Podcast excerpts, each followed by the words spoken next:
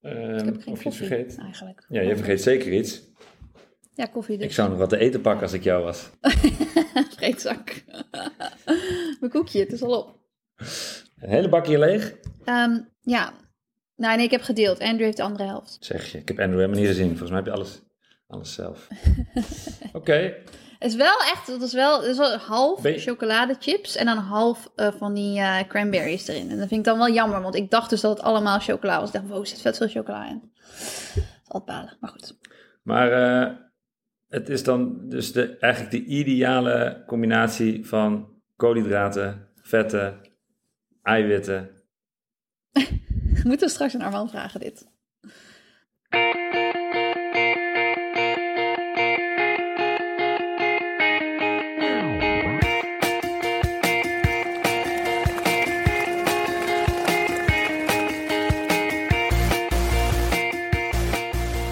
Welkom bij de 72e aflevering van Suzy Q&A, de podcast over hardlopen, training en wedstrijden. Vandaag hebben we voedingsdeskundige Armand Betonville als gast. Hij is nutrition-strateeg en de vraagbaak voor veel topatleten, zoals Elliot Kipchoge, Kenenise Bekele en onze eigen Abdi Nageye en Nienke Brinkman. Ik ben Imo Muller, de uitgever van onder andere Runnersworld. En aan de andere kant van de lijn, daar zit ze weer, Susan Crummins. Yay, ik ben weer in. Hollywood. Ja, Je bent, er, Hollywood. je bent er in Hollywood. Ja, ik ben weer thuis. Nice. Lekker Welkom. zuurstofhappen. Ja. Ja, merk je verschil? Eh, ja, merk heel veel verschil. Dus eh, niet meer zo buiten adem als ik eh, een hele grote hap van mijn burger neem. Ehm, ook tijdens het rennen is het wel iets beter. Dus nee, het is wel lekker om weer op zeeniveau te zijn. En het is hier een stukje warmer ook. Het begon echt koud te worden in St. Moritz. Ja. En heb je, heb je dan nu ook last van de wereldberoemde hoogtedip? Ja, dat, dat niet? schijnt iets te zijn waar mensen het wel eens over hebben. Ehm, ja, weet je wat is? Altijd als ik eh, zeg maar voor een toernooi bijvoorbeeld op hoogte zat en dan naar het toernooi ging om de 10 en de 5 te lopen, dan betekent het dus dat ik eerst de 10 liep, twee dagen van hoogte, en dat de vijf series zaten altijd midden in de zogenaamde hoogtedip. Ik weet niet, dat is volgens mij van dag 3 tot eh, ik weet Tien? niet, dag 9 of zo. Ja, tiende dag schijnt dat Ja. weer, weer goed is. Ehm, ik heb daar eigenlijk nooit last van gehad, maar ik had ook geen keus. Hè? Dus was ook zo van, ja, ik mag er geen last van hebben, want dan ga ik die finale niet halen. Dus ik weet het nog niet. Ik heb hem nog niet ervaren. Jij wel eens? Eh, nou ja, ik had, eh, ik had extreme last van hoogtedip en een hoogtepiek, maar niet volgens eh, de reglementen. Dus ik was eigenlijk in de dip heel goed. En ik had daarna ook wel echt een dip, maar dat was wat later dan het hoort. Tenminste, eh, ja, volgens de boekjes. Na Dus tien Wat dagen. jij zegt, ja, volgens mij tussen drie en tien dagen kun je die dip hebben. Dus je moet of gelijk als je terugkomt de wedstrijd doen, of pas na tien dagen. Precies. Ja, het is moeilijk te meten natuurlijk, maar ik, ik had hem, eh, weet ik het, van dag 7 tot 15 of zo. Ik weet het niet. Oh jee, en toen had je precies je marathon gepland natuurlijk, of niet? Nee, dat was nog later. Had ik voor de zekerheid gedaan. Maar ik was toen op een gegeven moment wel echt heel goed, maar dan was ik Ja. dan weer te vroeg. Dus ik moet het nog leren. Ah. ja. Hey, ehm, we wisselen nu eh, tegenwoordig af. Dus soms doet Olivier een podcast en soms doe ik een podcast met jou. En dat kiezen we eigenlijk een beetje eh, per onderwerp of per gast uit. Ehm, Ja. vandaag gaan we het over eten hebben. Nou, en daar ben ik Ja. dus gewoon echt heel erg goed in. Dus, eh, Kampioen. Kampioen. Favoriete bezigheid. Hoe vaak eet je op een dag? Nou, nee, ik ben best wel traditioneel, denk ik. Ik doe gewoon ehm, ja, ontbijt, lunch, avondeten. En dan twee Eh, keer alles of nog- niet? Of één keer alles? Nee, één, één keer alles. Wel relatief veel ontbijt vergeleken met anderen. En relatief weinig avondeten, denk ik. Mhm. Eh, en maar dan wel nog s'avonds een, een wat forser toetje met eh kwark, yoghurt en fruit en weet ik wat er allemaal in zit. En wat lekkere dingen. Kaasieentjes. En tussendoor eet ik eigenlijk ook wel... Ja, ik, ik heb niet zo heel veel tussendoortjes. Ik kreeg heel veel vragen over tussendoortjes. Daar komen we straks over. Maar dat doe ik eigenlijk... Ja, ik doe wel eens een, een vrij forse plak ontbijtkoek of zo. Zoiets. Hmm. Maar ehm, ik heb niet zoals jij, dat ik als ik dan vroeg loop, dat ik dan twee keer ontbijt. Eh, het is wel zo, ik heb gisteren eh, twee uur en een kwartier gelopen. En dan heb ik de dag daarna gewoon echt wel, echt wel fors meer honger. Ja, snap ik. Ehm, Maar had je dan ook geen jelletjes onderweg en had je niet, eh, niet bijgevoederd? Ik heb zeker bijgevoederd. Nou, dan, ik heb één, één jelletje halverwege. Ja, het valt wel mee, Oh, oké. Ja, ik ben Ja. wel benieuwd wat Armand daarvan vindt. Of je dan eh, niet genoeg gegeten hebt de dag ervoor. Ja, dat is, mo- ja, daar ben ik ook wel benieuwd naar. Wat hij, eh, het is natuurlijk per persoon misschien ook wel verschillend. En het is ook heel moeilijk om nou je persoonlijke plan te maken. Het is natuurlijk niet dat iedereen hetzelfde moet doen, denk ik. Heeft ook te maken, Nee. nou, met, zeker qua vocht, hoeveel je zweet. En ook hoeveel je van tevoren en tijdens überhaupt kunt eten. Dat scheelt natuurlijk ook. Ja. En hoe lang je onderweg Ehm. bent natuurlijk. Want als mensen op afstand afgaan en eh, je doet er langer over, dan heb je ook meer energie nodig natuurlijk. En jij, ben je veel met voeding bezig? Of is het bij jou al zo lang een, een onderwerp dat het eigenlijk al helemaal automatisch gaat? Het gaat wel redelijk automatisch, ja. En ik, ik eh, ben ik veel met voeding bezig. Ik hou heel erg van eten. Dus ik vind het wel heel lekker en leuk om, eh, nou ja, mooie maaltijden samen te stellen, zeg maar. Ik heb niet zoiets van... eh, je hoort wel eens van die atleten die gewoon een heel strak, strakke planning hebben van... ik doe hier havermout en dit voor lunch en dit voor avondeten. En die heel erg goed zijn met bepaalde regeltjes om hun bord samen te stellen. En ik kijk gewoon iedere dag echt waar ik zin in heb. Dus dat is wel... Maar je leert wel eh, hoeveel je nodig hebt voor bepaalde trainingen. Dus ik denk wel dat ik dat... Dat is iets waar ik in de afgelopen jaren beter in ben geworden. Dat ik zeg maar eet voor mijn trainingen. Dus het is niet gewoon eh, standaard. Oké, eh, typisch eh, hardloopvoer is natuurlijk pasta of zo. Het- ik kijk gewoon wat mijn training is. Als ik de volgende ochtend een langere training heb, yes, dan is het natuurlijk wat meer koolhydraten. Maar als dat niet zo is, dan ja, wat meer groente en wat meer eiwit, wat meer andere dingen. Dus ehm, Want kook, kook, jij, kook jij zelf of wordt er ook vaak voor je gekookt? Nou, er wordt heel vaak voor mij gekookt, dus dat is wel fijn. Als ik thuis ben, in ieder geval, Andrew is echt de chef. En die, die maakt ook gewoon echt lekker eten. Ik vind dat hij veel beter kan koken dan ik, dus dat is, dat is wel lekker. Maar als ik op uh, trainingstage ben, dan kook ik natuurlijk zelf. Dus dan, maar dan kook ik ook niet zo uitgebreid. Ik vind voor mezelf vind ik het minder leuk om, om, eh, om een hele mooie, lekkere maaltijd met veel ingrediënten te maken dan voor twee personen. Dus nee, maar thuis Maar maken Andrew we heeft, geen, eh, Andrew heeft geen instructies nodig, zeg maar. Hij, is niet dat jij Nee. dan, eh, hey, eh, luister even, denk je, denk je aan dit, dit en dit? Het gaat eigenlijk automatisch wel goed. Ja, maar het is niet, wij eten niet hetzelfde natuurlijk. Dus hij eet bijvoorbeeld, als we dan een pasta eten, eet hij gewoon veel meer pasta dan, dan dat ik eet. En ehm, hij heeft ooit ook in, ehm, even denken welk jaar dit was, Maar, maar 2003. wat bedoel je? Als je Oh, jullie eten niet hetzelfde, jullie eten wel hetzelfde, alleen je schept Nou, wel zelf is- op. Soms is het dat er iets, iets anders is. Bijvoorbeeld als we dan een, een burger hebben of zo en dan maakt hij zo'n sausje met heel veel mayonaise of zo. Dan maak ik datzelfde sausje, maar dan doe ik in plaats van mayonaise erbij, doe ik Griekse yoghurt bij of zo. Ik hoef niet per se altijd heel ongezond te eten natuurlijk. En hij hoeft het niet gezonder te maken voor mij. Dus eh, zo kun je kleine dingetjes kun je wel een beetje aanpassen, zodat nou ja, dezelfde maaltijd net iets gezonder wordt voor mij dan dat die voor hem is. Ehm, Ja. maar in, eh, in 2003, toen was hij eh, zeg maar trainingpartner van eh Cathy Freeman. En toen ging hij ook met haar een paar maanden nou ja, naar Amerika. Gingen ze in San Francisco voorbereiden op het, op het zomerseizoen. En dan moest hij ook wel eens koken voor haar. Dus hij heeft, voor die tijd heeft hij gewoon allemaal eh, les gekregen van zo'n personal chef. Want ze hadden natuurlijk een flink budget voor haar, omdat zij natuurlijk echt een goede atleet was. En heeft hij eh, helemaal geleerd van hoe moeten atleten eigenlijk eten. En wat is, wat is goed voor herstel en, en wat is goed voor deze training en voor die training. Dus dat heeft hij eigenlijk op best wel jonge leeftijd heeft hij al gewoon goed leren koken. Dus, eh, Mooie dat titel voor een boek. Mooie titel voor een boek. Wat moeten atleten eigenlijk eten? Wat Holy moeten?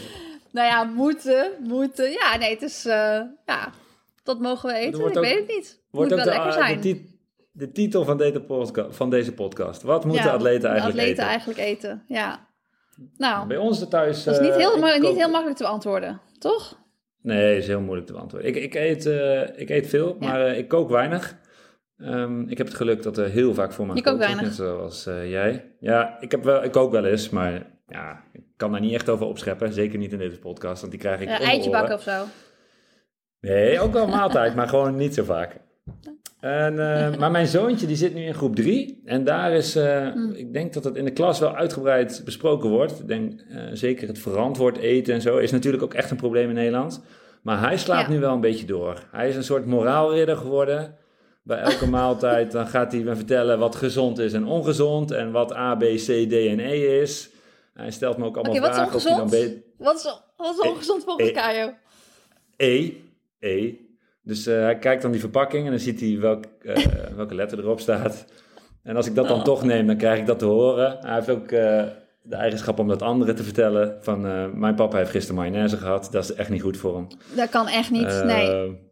Nee, hij is daar Ja. echt heel erg mee bezig. Dat, dat merk ik wel. Ja. Ja, wel, En wel eten zich is sowieso een onderwerp. Ja, heel goed. Ja, en ik vind het eigenlijk Ja. in zijn klas wel, eh, wel meevallen. Er zitten ja, eigenlijk allemaal eh, ehm, kindjes met een gezond gewicht. Maar als je Mhm.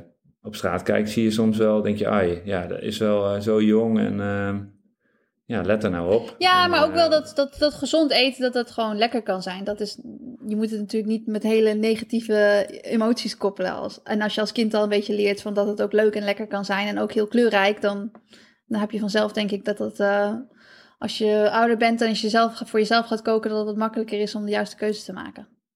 Ja, en dat kleurrijk, dat leren ze volgens mij ook, want ze, ze moeten zorgen voor de regenboog op het bord. Op het Nou, dat is volgens mij een hele goede tip. Eh, Ja. En vaak Dit laten meekoken. Ja, Ja, en Leuk. laten mee. Hij Ja. snijdt eh, de paprika's en de champignons en zo. Dat vindt hij vast hartstikke leuk. Dus dat- ik denk wel dat dat helpt om ze ja, om het Ja. eten leuk te maken. En eh, ja, dus dat Ja. is goed. Hey, ehm, Ja, ik weet ook wel dat vroeger toen ik... eh, Nou, vroeger, dat is niet vroeger. Maar toen ik in, eh, in, in Amerika ging wonen... Daarvoor kookte ik ook niet zoveel voor mezelf. Want eh, ja, ik woonde gewoon thuis en eh, mijn moeder kookte gewoon vaak. En eh, toen ging ik in Amerika wonen. En toen hadden ze daar ook inderdaad zo'n nutritionist... die dan met het hele team ging winkelen. En dan gingen we inderdaad naar de supermarkt... en dan ging ze ons aanwijzen van... Nou ja, in deze, deze rij hoef je niks te kopen. En daar lagen dan alle... eh, Cheerios. En in Amerika is dat natuurlijk heel extreem. Hè? Die, die cereal aisle is echt gewoon alle, alle kleuren van de regenboog heb je er ook. Maar niet, in- niet op een goede manier. en dan zei ze, ja, dit, hier hoef je niet te komen. Je moet vooral aan de buitenkant zijn. Weet je wel? Dus, Ja, eh, die tip kreeg ik vroeger ook. Je moet altijd Ja. aan de buitenkant van de supermarkt blijven. eh, blijven Ja. dan, eh, Aan de buitenkant, niet te veel naar het midden. Dus dat was wel grappig. Dus, Ik weet niet of dat nog steeds zo is, maar ik vond het wel Ja, het was wel, in Amerika is het ook wel overwhelming, weet je, als je daar voor het eerst komt. Het zijn gewoon, ik vond het een hele grote supermarkt met veel te veel keus. Dus als je dan, ik had meestal niet eens de tijd om in het midden te kijken, want dan reed ik vaak met iemand mee en dan dacht ik van, nou, ik doe wel gewoon die buitenste rand en dan kijken we wel of we genoeg hebben. Dus ja, heel ervaring. Wat bij mij ook werkt, ik weet niet of je- bij jou dat ook is, dat je, je moet nooit boodschappen doen als je honger hebt. Nee, tenminste, klopt. Allereerst het eten. Dan haal ik zoveel rotzooi. Alleen maar Tony in alle kleuren van de regenboog. Ja, dat is ook vervelend, hè? Ja. Nee, Want Klopt. bestel jij, eh, komt, wordt het gebracht aan de deur of ga jij naar de supermarkt toe? Oh ja, dat is, dat is een goeie. Ik, eh, tijdens COVID was ik op een gegeven moment echt eh, meer dan een jaar niet in een supermarkt geweest. Ehm, toen, ja, toen liet ik het eerst gewoon inderdaad gewoon altijd, dan bestelde ik het inderdaad, dan liet ik het gewoon brengen. En op een gegeven moment ging Andrew wel eens, maar dan, eh, ja, hij kookt ook meestal, dus het is wel handig als hij ook gewoon de boodschappen doet. Dus dan was ik wel eens af. Zetten je de bordjes in de vaatwasser bedoel je? We hebben geen vaatwasser, echt zielig hè? Oh, Ja. Ja, dus nee, ik was wel eens af. Dus. Hey, en even qua structuur van deze podcast. Ik weet dat het niet gaat lukken. Maar we hebben echt... eh, het onderwerp voeding is wel heel populair. We hebben echt heel Ja. veel vragen, ge- vragen gehad. Ik heb ze een beetje proberen te clusteren. ehm, maar we gaan er een heleboel vergeten. We gaan er ook echt een heleboel Ja. proberen te eh, beantwoorden. Want we hebben echt een gast die heel veel weet. Ja. Ehm, en heel veel ervaring heeft, dus daar moeten we gebruik van maken. Ik krijg heel veel vragen binnen over eh, plantaardig of vegan eh, dieet. Ehm, eh, veel vragen over eiwitten, veel vragen over, over nuchter trainen ook. Dus er zijn wel een aantal onderwerpen die we sowieso even moeten behandelen. Ehm, nou, je hebt vast ook weer allemaal mooie vragen bedacht. En, ja, en ik wil nog even terugkomen op de vorige aflevering. Oh ja, Niels? Ehm, want jullie hadden Niels, wat ik echt heel, heel leuk vond. Ehm, Ja? Maar die jongen die heeft gisteren weer een wedstrijd gelopen. Heb je het gezien? Ik heb het niet gezien. Ik heb het wel het resultaat gezien natuurlijk. Jezus. Maar Hij zei, door. volgens mij, hij zei volgens mij bij jullie in de podcast van... Ik ga proberen eh, mijn PR te verbeteren. En het zou mooi zijn als ik het Europees record op de 3000 meter onder de 18 jaar verbeter. Dus zijn persoonlijk Ja. record was volgens mij 8.03. Het Europees record was ah, 7.56. Ja, en volgens Eh, mij wilde hij vooral racen, toch? Dat, dat zei hij eigenlijk. Ja, maar hij zei er tussendoor wel, hij, hij hield de tijd wel een beetje in de gaten. Dus misschien was hij toch wel een beetje mee bezig. Nee, dat Maar was hij zei het familierecord. het familierecord. Het familierecord, dat was nu, nog een, eh, was nu nog te moeilijk, want dat stond op 7,51 van zijn vader. Ja, Maar hij liep gisteren 7 minuten en 48 seconden in Zagreb. En dat is echt krankzinnig hard. ja, dat is heel hard. Dus eh, ja, die auto, eh, wanneer komt die eigenlijk, die auto? Jij moet eerst nog zijn rijbewijs. ja, hij is nog geen 18. dat kan er niet, Staat toch? hij zomaar voor de deur. Ja, ja vervelend. Ja, Ja, maar hij heeft hem wel mooi. En, eh, Ja, echt top. hij heeft hem zeker verdiend. Ja. Ja. Heel mooi. Oké. Nou, zullen heb we jij eigenlijk wel eens... eh, ik wil het vragen voordat Armand komt. Het is wel leuk misschien. Heb jij wel Oh. eens een, eh, een, een fout gemaakt met, eh, met voeding tijdens wedstrijden? Want je hebt natuurlijk wel wat marathons gelopen, wat langere wedstrijden... Waar, waarbij dat wel problemen kan veroorzaken. Heb je dat wel eens gedaan of niet? Of nooit problemen mee? Ja, ik heb wel dingen, zeg maar, het belang van stapelen. Ja, dat is wel Mhm. natuurlijk wel belangrijk, maar ik was, vond dat, nam dat misschien aan het begin wel een beetje te serieus. Ehm, ik heb er geen last van gehad hoor, maar je moet natuurlijk wel extra eten. En ook wel de verhouding koolhydraten moet echt wel hoger worden. Maar Ja. zo extreem als ik dat aan het begin deed, eh, daar geloof ik niet meer in. Ik eet gewoon extra. Ehm, Ja, maar je tapert ook, dus, dus Berlijn- vanzelf is het al in verhouding meer natuurlijk. Nee? ja, Ja. Nou ja, dat denk, jawel, jawel, dat denk ik ook. Maar ook, ik bedoel, ik schep dan minder saus met groenten op. Sterker nog, dat doe ik de avond voor een marathon wel echt. eh, Dan is het gewoon een klein beetje saus en heel veel pasta. Dus dat, is wel, dat zou ik normaal niet Had eh, ik gezegd dat eh, een- een trainingsmaatje van mij dan echt gewoon een paar dagen lang alleen maar witte rijst met suiker eet? Oh, ja. Ja, het is echt. eh, en het zegt ze ook, dan word ik ook helemaal gezegd, dan word ik helemaal depri van, want er is echt gewoon helemaal geen kleur op mijn bord. Wit en wit. Maar hoeveel dagen doet ze dat dan? Ja, volgens mij iets van, iets van drie dagen. Ja, niet, volgens mij eet ze de eh, drie dagen van tevoren nog wel ook wat andere dingen, maar ze wil dan ook geen risico lopen, omdat ze best wel vaak last krijgt van, van andere dingen die ze eet. En dan, eh, ja, in ieder geval toen ze de laatste keer dat ze ook in Japan was, had ze inderdaad een paar dagen echt alleen maar eh, witte rijst met suiker gegeten. Dus top. Ze liep Ja, ik goed. geloof gewoon niet in extreem. Ik geloof wel in Nee. meer koolhydraten. Maar ik moet ook, eh, ja... Nou ja, Ja. als je het altijd doet en het werkt, ja, dan is het volgens mij prima.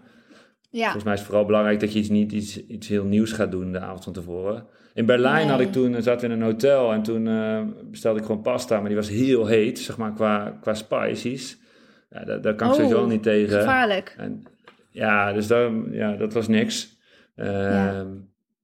Maar voor de rest heb ik niet, eh, ik heb nooit moeten uitstappen met, met kramp of, of problemen of zo. Dat heb ik gelukkig Ja. niet gehad. Of energieprobleem of zo. Dat lijkt me misschien nog wel erger. Als je echt gewoon, echt een man met de hamer, hebben we vast wel vragen over, toch? Of niet?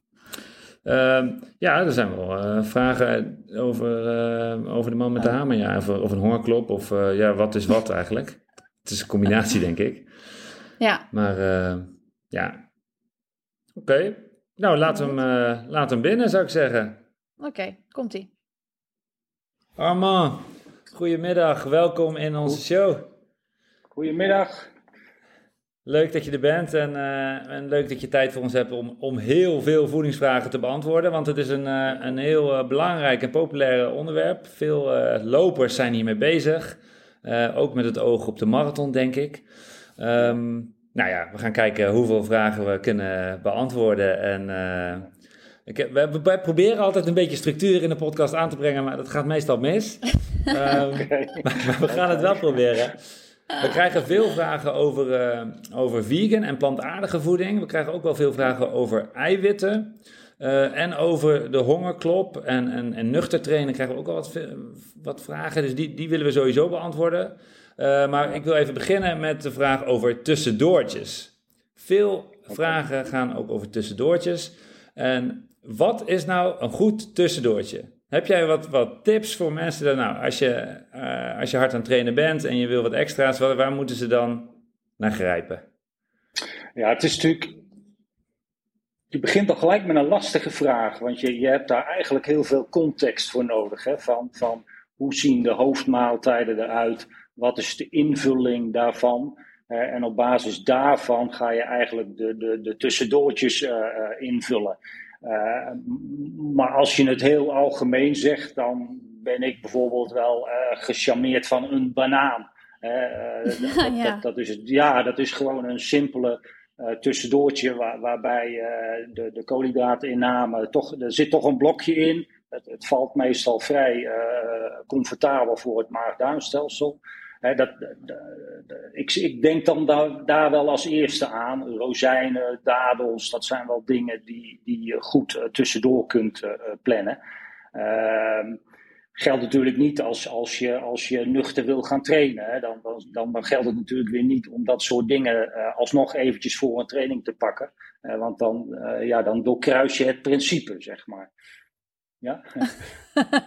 nee, ja, je zegt, oh, ja, we beginnen nu al over nuchter trainen. Ik, ik train natuurlijk ja. ook wel eens nuchter. Um, en voor mezelf is het zo dat ik dan, uh, dat zou ik alleen doen als ik tot 60 minuten loop en als het een vrij rustige duurloop is. Uh, als jij, want je bent natuurlijk nutrition uh, strateeg. Als je met atleten werkt, heb je dan enige regels of, of dingen waarvan je, waarvan je zegt, die trainingen daar kun je wel nuchter in en die trainingen daar kun je, moet je mee oppassen? Nou, het, ook, ook, dat is natuurlijk weer een kwestie van gewenning. Hè? Als je kijkt, uh, ik, ik, werk uh, natuurlijk met twee Nederlandse atleten, maar ook met, met vier Kenianen en Ethiopiërs. Die zijn natuurlijk vooral gewend om nuchter te trainen. Hè? Dus dat, dat gaat ook van een long run die nuchter is van 40 mm-hmm. kilometer.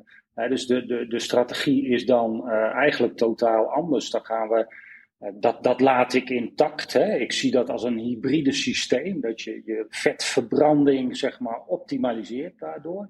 Mm -hmm. uh, en richting de marathon wijs ik dan een periode aan waarin we zeggen van nou, we gaan het drinkprotocol, hè, dat is met name natuurlijk het koolhydraten en, en, en uh, de vochtinname, die gaan we eigenlijk pas trainen zes weken voordat de race is. Uh, dus dat is weer een andere benadering dan bij de Nederlandse atleten, waar het gewoon minder gebruikelijk is, waar de hele lange, nuchtere duurlopen zijn.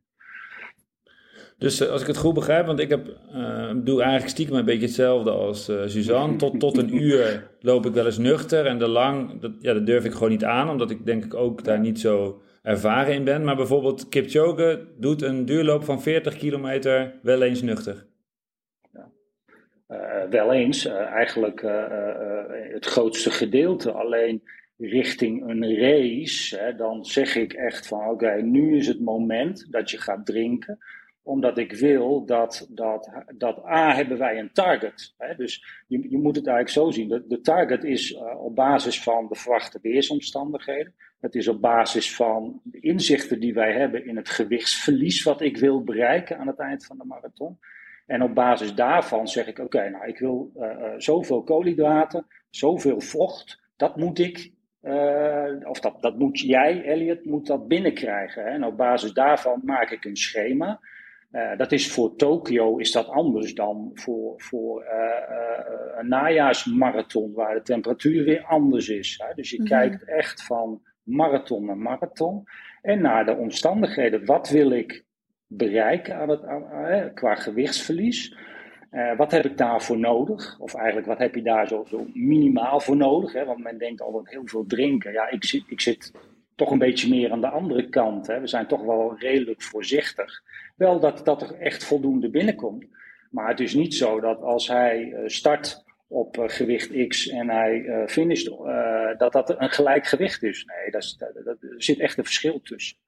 En dat verschil, uh, dat, wordt, uh, dat wordt natuurlijk vooraf getest, gemeten, zodat we weten van oké, okay, bij, bij zoveel drinkstations uh, moet je dit minimaal gaan drinken. Zo vullen we dat in. En met drinken, dat, dat is dus met koolhydraten, neem ik aan. Ik, ik, we hebben wel eens ergens gelezen ja. en er kwam ook een, een vraag van Maarten Mas, die had ook ergens gelezen dat Bekele zijn eerste marathons op alleen maar water heeft gelopen. Ik weet niet, ik weet niet of dat klopt. Um, maar dat is wel. Uh... Die geschiedenis ken ik niet, maar dat, dat, dat zou kunnen. Kijk, maar, maar Kenanisa uh, uh, is weer een andere atleet dan, dan Elliot. Heeft een ander drinkprotocol. maar daar maken we ook gewoon gebruik van koolhydraten. Ik ken niet het geschiedenis van het begin. Dat, dat, dat, ik kan me er overigens wel iets bij voorstellen. Het is zeker in het begin. Hè, maar jij zou dat niet adviseren? Ja, nou dat is een beetje afhankelijk van, van wat je gewend bent. Kijk, op het moment dat. Dat soort jongens zijn natuurlijk gewend om, om nuchter te trainen. Hè? Dus die kunnen op vetoxidatie gewoon heel veel doen. Je moet niet vergeten dat je een enorme voorraad aan, aan calorieën, aan energie hebt, alleen al in je vet. Hè? Dus, dus het is meer dat, dat, dat wij gewend zijn om, om dat systeem te voeden dat was een beetje jouw vraag van na een uur durf ik niet. Uh, maar, maar ik weet natuurlijk zeker, ik zeg niet dat je dat moet doen, maar als je de, de volgende keer 65 minuten doet en dan 70 minuten, dan zul je zien dat gaat ook prima. Uh, het is een beetje balans zoeken van. van het, is het systeem ben je aan, aan, aan het verbeteren. Hè? De, de, het vetverbruik ja. ben je aan het verbeteren. en dat, dat, dat, ja, dat passen wij in op basis van hoe, hoe zo'n seizoen eruit ziet wanneer de marathons zijn en wanneer we dus uh, koolhydraten gaan toevoegen. Kijk, voor mij is dat koolhydraat toevoegen is echt, ik wil, en dat, dat is eigenlijk niet alleen voor, voor de marathon, want ik, ik, ik ben ook verantwoordelijk voor het baanwielrennen sprint. Hè, dat is heel kort, heel krachtig. Ja. Maar ook daar heb ik periodes dat ik wil dat die biochemie eigenlijk maximaal upreguleert. Dus dat je, dat je zo min mogelijk ondersteuning geeft met wat dan ook. En op het moment dat het toe, toe, doet, ja, dan ga ik ondersteuning geven. En dat, zo zie ik dat bij de marathon ook. Hè. Dus we, we, gaan dat systeem uh, goed optimaal laten ontwikkelen in de voorbereiding. En er komt een moment dat we zeggen: oké, nu gaan we koolhydraat toevoegen uh, in die laatste fase. Zo, zo, zo, zo kijk ik daarnaar en zo benader ik dat. En dan, dan is een, een Berlijn-marathon weer anders dan een Tokio-marathon. Want het weer is anders. Hè? Dus uh, uh, ja, dat, ja, vingertje. Ja. Nee, ja, ik, zit, ik, zit, ik, denk aan dit verhaal. Ja. Als ik dit aan mijn moeder moet uitleggen, hè, en dat, dat probeer ik, dan, uh, die zou dan tegen mij zeggen, nou jongen, zoveel vet heb je niet. Uh, pas op. Want, want het, het, risico, het risico is natuurlijk dat je, dat je tegen, ja, tegen een muur oploopt. Of dat je een hongerklop krijgt ja. uh, in de volksmond. Of, of heeft dat, is dat stiekem ook een keer goed om dat te hebben? Ja, ik, ik, kijk, die voorraad zit er gewoon. Hè? Dus je, je hebt al snel 50 tot, tot 100.000 calorieën aan voorraad. Ook al heb je een laag vetpercentage. Het gaat veel meer om dat dat wij natuurlijk gewend zijn om. Hè, de, de, suikers worden ook gebruikt voor het zenuwstelsel. Hè, dus dus op het moment dat je dat niet gewend bent, ja, dan ga je ergens tegen de muur aanlopen. Want je bloedsuiker wordt heel laag, dus alle systemen raken in paniek.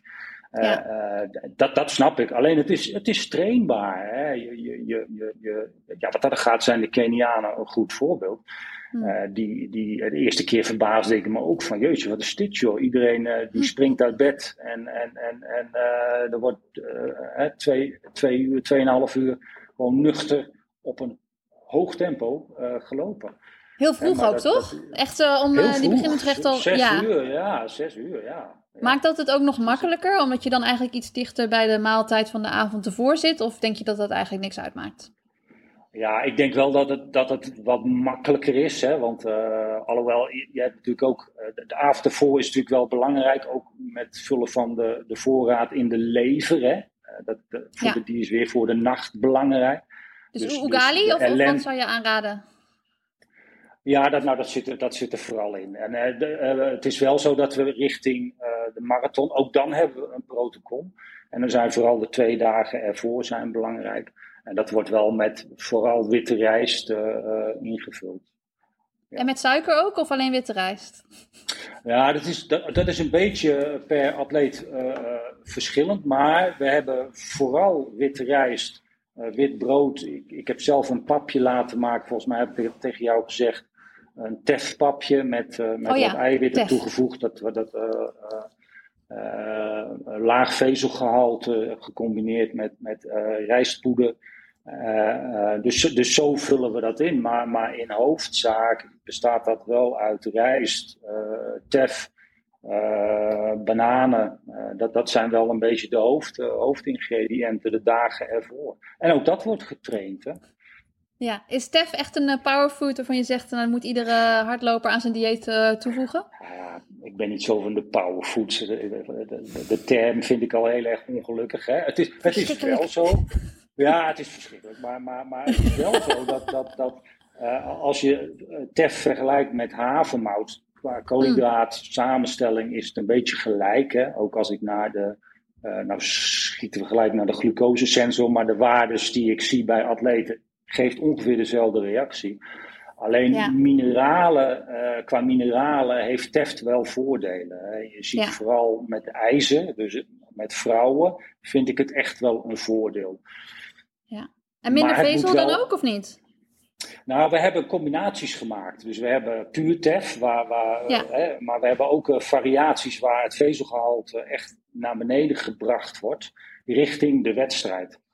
Ja, Eh, dus- en waarom is dat eh, belangrijk? daar- nou, omdat niet iedereen daar goed op reageert op vezelrijke eh, voeding. Hè. Dus dat, dat, ja, dat kan maag-darmklachten geven. Dat hoeft overigens niet. Hè. Je, je, kunt, je kunt ook gewoon, eh, er zijn ook atleten die het wel prima vinden om volkoren producten te nemen. Eh, maar dat is een beetje trial and error. Hè. De- Het meest safe is natuurlijk, zeker bij de marathon, hè, waar, waar, waar maag-darmklachten wel echt een issue zijn. Om Ja. daar toch wat van weg te gaan richting de laatste paar dagen. Ik schiet helemaal volgens mij door Imo's plan heen nu, of niet? Oh jee. Ja, want ik, ik, ik, ik, ik, ik denk meteen, want hij heeft het over iets en dan zegt hij over, over vezels. En dan denk ik meteen zijsteek. Want met zijsteken kreeg ik altijd de vraag van, misschien eet je Ja. te veel vezels, misschien is dat Ja. het. Ja, Ehm, ja. Ja, want wat, dat is wel een goede vraag, want die krijgen we wel vaak. Veel mensen die hebben problemen met zijsteek. Dat kan meerdere oorzaken hebben, maar wat, wat is de meest voorkomende reden? Nou ja, ik, ik hoor er natuurlijk niet zoveel, omdat mijn atleten zijn super getraind. Dus, dus ja, ik, ik krijg dat. Ik zeg niet dat je niet super getraind bent, hè, maar, maar dat, dat, nee, ja, ik heb een andere is- moeilijke zijsteek. Ja, ja, ja. Maar, maar, dus dat is. Vaak ga je wel zoeken hè, naar. Oké, Mm. maar wat, wat eet je dan? Je kijkt naar de timing. Kan het zijn dat, dat, dat, dat er nog te veel in, in de maag-darmstelsel zit? Hè? Daar ga je wel mee experimenteren. En dan kom je wel gauw natuurlijk op. Oké, dan, ga, dan gaan we eens kijken of we dat vezelrijke. eh, wat, wat, wat verlagen. Eh, en dan, dan, dan is het echt, het is vaak zoeken wat, eh, wat helpt en wat niet helpt. Het is allemaal niet zo zwart-wit. Het zou dus in veel gevallen, het zou in veel gevallen kunnen zijn, kunnen zijn dat de zee- zijsteek komt door te laat, te vezelrijk eten. In combinatie met misschien wat te hard starten. Je moet, je moet het in ieder geval eh, eh, uitsluiten dat, dat, dat, dat, hè, dat, dat je een, daarvoor een goed protocol hebt. Dus ik zou zeker Mhm. kijken naar de timing van de maaltijden. Eh, hoe, hoe comfortabel ben je eigenlijk als je maaltijd. Dat, dat voel je zelf ook wel aan. Hè? Voel ik nou die maaltijd of, of voel ik eigenlijk heel erg weinig? En met name in, in een hoogintensieve training, ja, dan moet je, wil je eigenlijk zo, zo weinig mogelijk eh, eh, voelen. En dan Ja. moet je wel naar een structuur waar, waar, waarin je weet van oké, deze producten, eh, die geven mij dat gevoel, hè, dat, die geven mij dat comfort. En daarvoor geldt weer, ja, dat, dat is niet een one size fits all, dat is echt een zoektocht van ja, wat past jou nou? Hè, voor, de voor sommigen is dat gewoon witbrood. Ja, en voor Ja. anderen, ja, Tegelijkertijd, je zegt van, het, voor iedereen is het natuurlijk anders waar je je goed bij voelt en zo. Maar als een, ehm, iemand een marathon gaat lopen en de avond ervoor eh, heel veel broccoli opschept. Heb jij dan zoiets van, ja, als jij je daar goed bij voelt is oké? Of, of denk je dan wel van, dit is een beetje een onnodig risico. Want die broccoli, ja, het is leuk dat er Ja. heel veel eh, gezonde vitamine C in Ja, zit. Maar dan heb je vanmorgen even niet nodig. Ja, nee, absoluut. absoluut. Kijk, je, je hebt natuurlijk wel een aantal koolsoorten, laat je ook weg. Hè? Dus het, er zijn wel risicogebieden waarvan, Mhm. waarbij je vandaan blijft. Die, die kun je zeker benoemen. Ja, Eh, en, en dan kom je, je, wat ik zeg, eh, wij hebben wel echt een protocol met, met witte rijst. Dat is dat grootste portie. Eh, een klein beetje kipfilet en een klein beetje witvis of, of, of, of beef. Maar dan, dan houdt het eigenlijk wel op. Thee met honing, ja, dat, dat zijn een beetje de, de ingrediënten. Het is puur, het is zuiver. Mhm. Hè, er is eigenlijk eh, zo min mogelijk risico op, op ellende. Alleen het, Ja. is, het is heel moeilijk om goed te kunnen duiden waar die ellende vandaan komt. Dat is echt een zoektocht, een individuele zoektocht, denk ik. Hè, maar het meest Ja, veilig is inderdaad witte pasta, witte rijst. Die, die, die, die kant op wegblijven van de koolsoorten, wegblijven van Mhm. vetrijk. Eh, dat, dat zijn wel echt de, de, de, de, de items die, die je moet laten staan. Dat, Je had het net al even heel kort over die glucosemeter. Daar krijgen we ook wat, eh, wat vragen over. We, hebben dat in een vorige podcast ook met Nienke besproken. Die heeft op haar bovenarm had zij een, een glucosemeter. En we zien dat bij meerdere atleten. Eh, ben jij dan degene die die data uitleest? En, en dus je hoeft niet op in detail op de data van Nienke, maar meer in het algemeen. Wat, wat, wat haal jij uit dat soort data? Ehm, nou, je, je moet het eigenlijk zo zien. Hè? Die, die, ik heb een, heel mooi dashboard hebben ze voor me. Uh, dat, dat is van, van, van Abbott. Uh, daar, daar, heb ik dus een rijtje atleten. Dus ik zie precies uh, wie wat doet. Ik sta er ook bij, krijg, trouwens. Jij staat, jij staat er ook bij.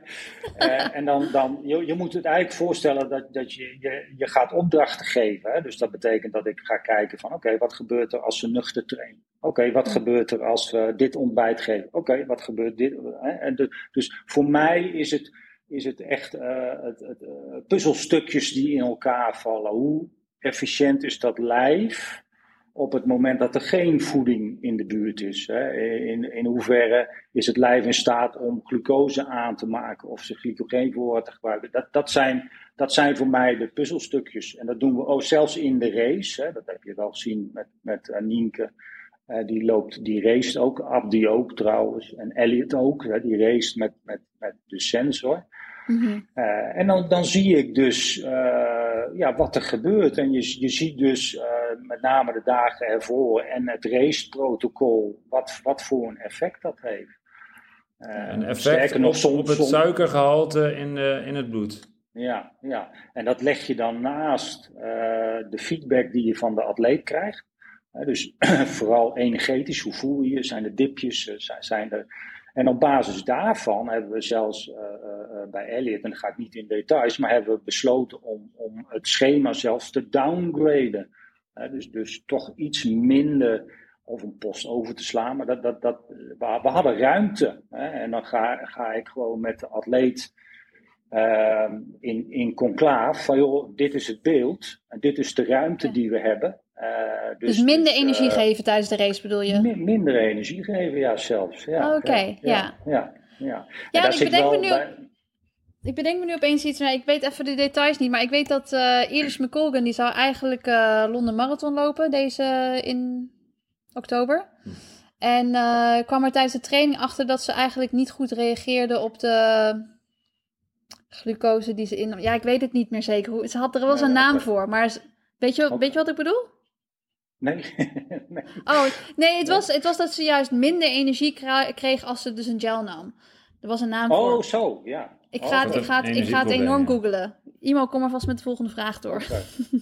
Okay. ja. ja, we hadden die, die, die, uh, die glucosemeter is natuurlijk iets waardoor je uh, gepersonaliseerd een voedingsplan kan maken. Um, zijn er ook andere dingen die er aankomen of waar je misschien al gebruik van maakt? Of bijvoorbeeld uh, uh, op basis van DNA of andere bloedmarkers? Of, of, het ja, gaat zo persoonlijk. Ja, het is, het is zo persoonlijk. Kijk, kijk, kijk, bloedmarkers. We hebben natuurlijk altijd een bloedscreening. Dat weet Suzanne ook. Hè? Dat, dat is uh, richting grote toernooien doen we een bloedscreening. Dan kijken we in de systemen hoe die ervoor staan. Maar dan kun je denken aan vitamine D. Je kunt denken aan ijzer, je, het rode bloedbeeld. Eh, zeker voor de Nederlanders die op hoogte gaan, is dat belangrijk. Hè? Wat, wat gebeurt er voor, wat gebeurt erna? Uh, wat, wat gaan we doen? Wat, wat, uh, dus, dus die zitten eigenlijk altijd in bloedmarkers.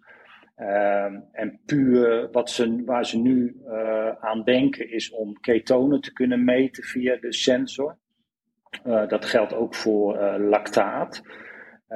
het zijn allemaal puzzelstukjes. Daar, daar, daar gaan gedachten over. Alleen het en dat probleem, je een live beeld hebt. Ja, hetzelfde eigenlijk als je glucose. Ja. Alleen het probleem wat ik wel signaleer, vooral bij lactaat, is dat.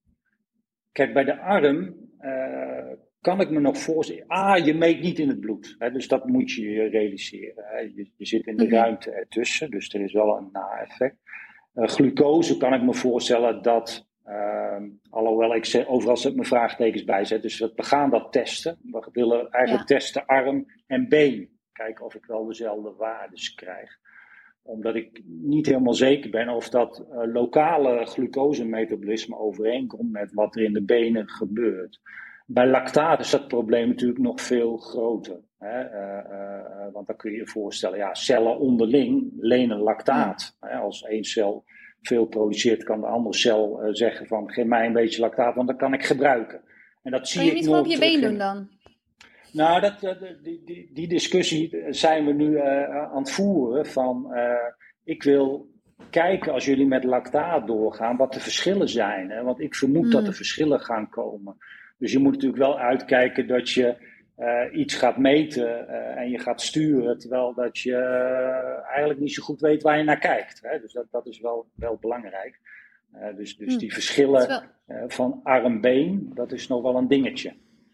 Ik zie dan wel voor me zoals bij, bij, bij wielrennen, dat als ze dan gaan rijden, dan weten ze precies hoe hard ze moeten trappen om zonder problemen bij de finish te komen. Het is een beetje dat je precies weet hoe hard je de rest van de marathon kunt lopen Ja. en, Ja. En zo hard mogelijk kan lopen. Het is misschien minder interessant voor de wedstrijden als mensen op een lactaatmeter gaan lopen.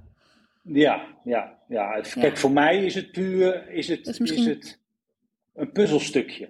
Van Ja. wat gebeurt. da- Daar ben ik, ik ben altijd op zoek naar hoe ziet die biochemie van dat lijf er nou uit? Wat gaat Ja. goed en wat gaat niet goed? Wat begrijp ik nu wel en wat begrijp ik niet?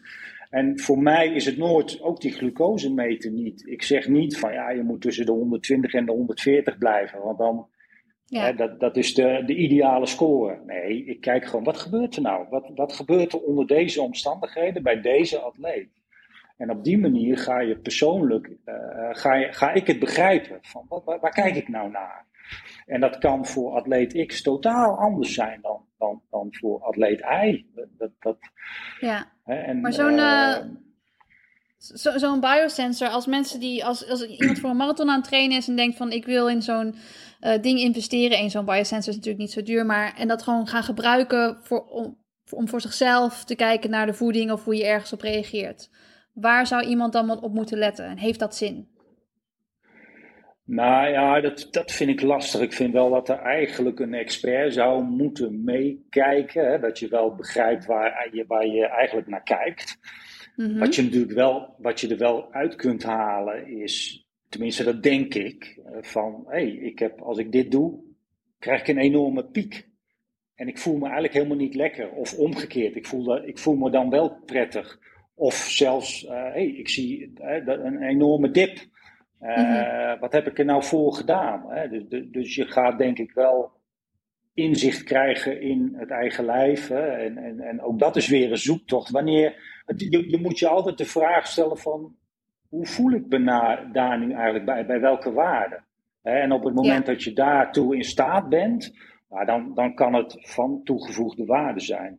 Maar het is niet zo, je moet niet, het is niet, je koopt een sensor en op het pak staat, je moet tussen de 120 en 140 120, blijven. ja. Ja, te makkelijk. dat- ja. dat Ik heb trouwens, ik heb het gevonden hoor. Het is rebound hypoglycemia. Oh ja, ja, ja, Glycemia? ja, ja. En Ik weet niet wat het is. eh, Ja, nou, wat je, is je het? Krijgt, je krijgt een rebound. Je krijgt dus weer een eh, rebound. Dus je, je krijgt pieken en dalen.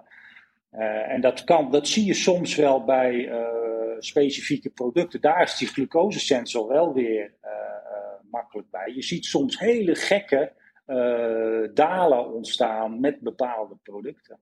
En daar, Dus dat je banaan eet en dat je dan opeens minder energie hebt. Is dat ja, het? ja, Zoiets. Ja, ja. En da daar blijft wel weer belangrijk bij hè, dat, je, dat je feedback van de atleet vraagt. Van, dat, dat is eigenlijk voor mij ehm, altijd heel erg leidend. Van, ik kijk ergens naar, maar dan vraag ik altijd: hoe voel jij je? Zijn er momenten geweest waarbij jij een dip voelde? Of waarbij je je heel goed voelde?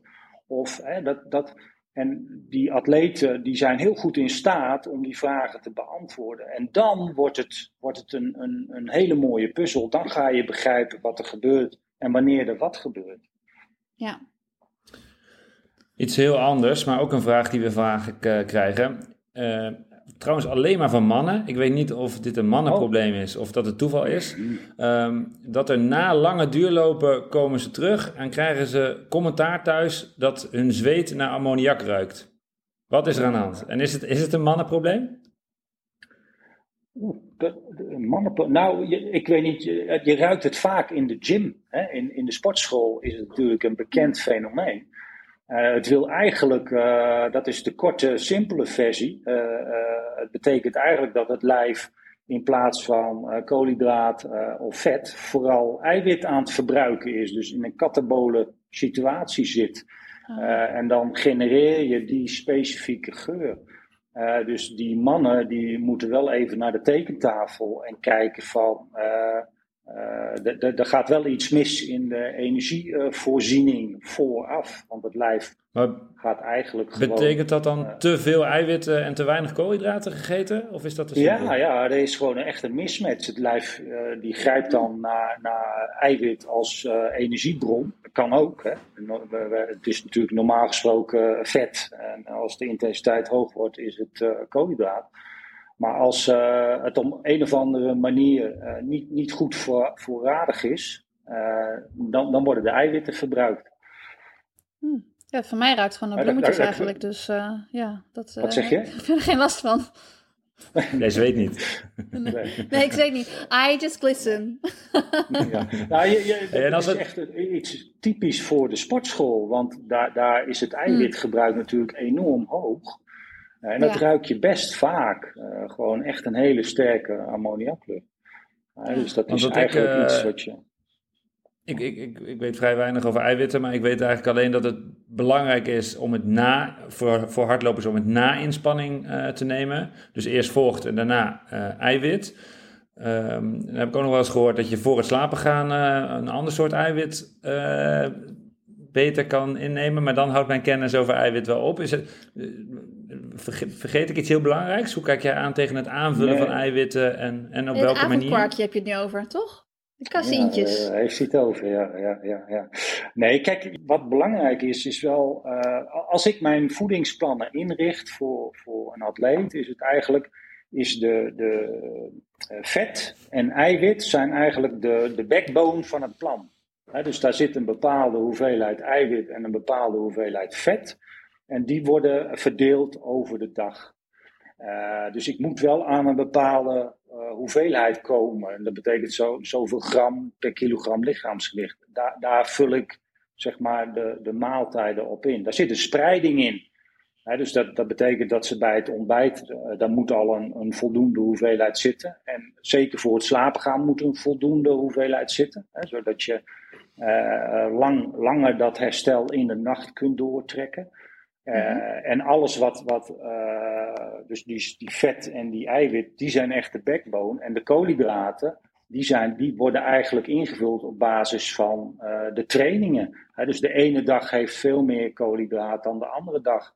Maar vet en eiwit zijn eigenlijk een vrij constante factor in het, in het voedingsplan. En dan is het wel belangrijk. Ja? Ja, als ik denk aan eiwit, dan denk ik inderdaad als eerste aan kwark. Is het dan ook hmm. nog zo dat het goed is om uh, dat ik niet alleen maar kwark neem, zeg maar, als ik denk aan iets meer eiwit, dat het dan zeg maar te eentonig is? Het, is het zinvol om te variëren? En, en op wat voor manier dan? Nou ja, kijk, je, je haalt natuurlijk overal, je, ook in ei en, en in vlees, kip, vis. Hè, dus, dus dat zijn de, de, de eiwitbronnen. Je komt daar vrij gemakkelijk aan. Uh, alleen je moet wel je moet wel goed, goed kijken naar de hoeveelheid. Hè. Je wilt toch snel tussen de 20 en de 25 gram per eetmoment hebben. Hè. Dus, dus als, als je even terug naar de havermout gaat eh, en je doet het met gewone uh, dierlijke melk, uh, ja, dan zul je er nog steeds een schepje uh, wei-eiwit bij moeten doen om aan die 20, 25 gram te komen traditie in topsport, dat weet Suzanne ook, is, is in, ze, ze refereerde er al even aan, is, is je kwarkje voor het slapen gaan, hè, of je caseïne-eiwit. Nou, dan heb je bij het avondeten heb je hier vleesbron, hè, daar kom je vrij gemakkelijk aan, aan, aan 20, 25 gram of daarboven.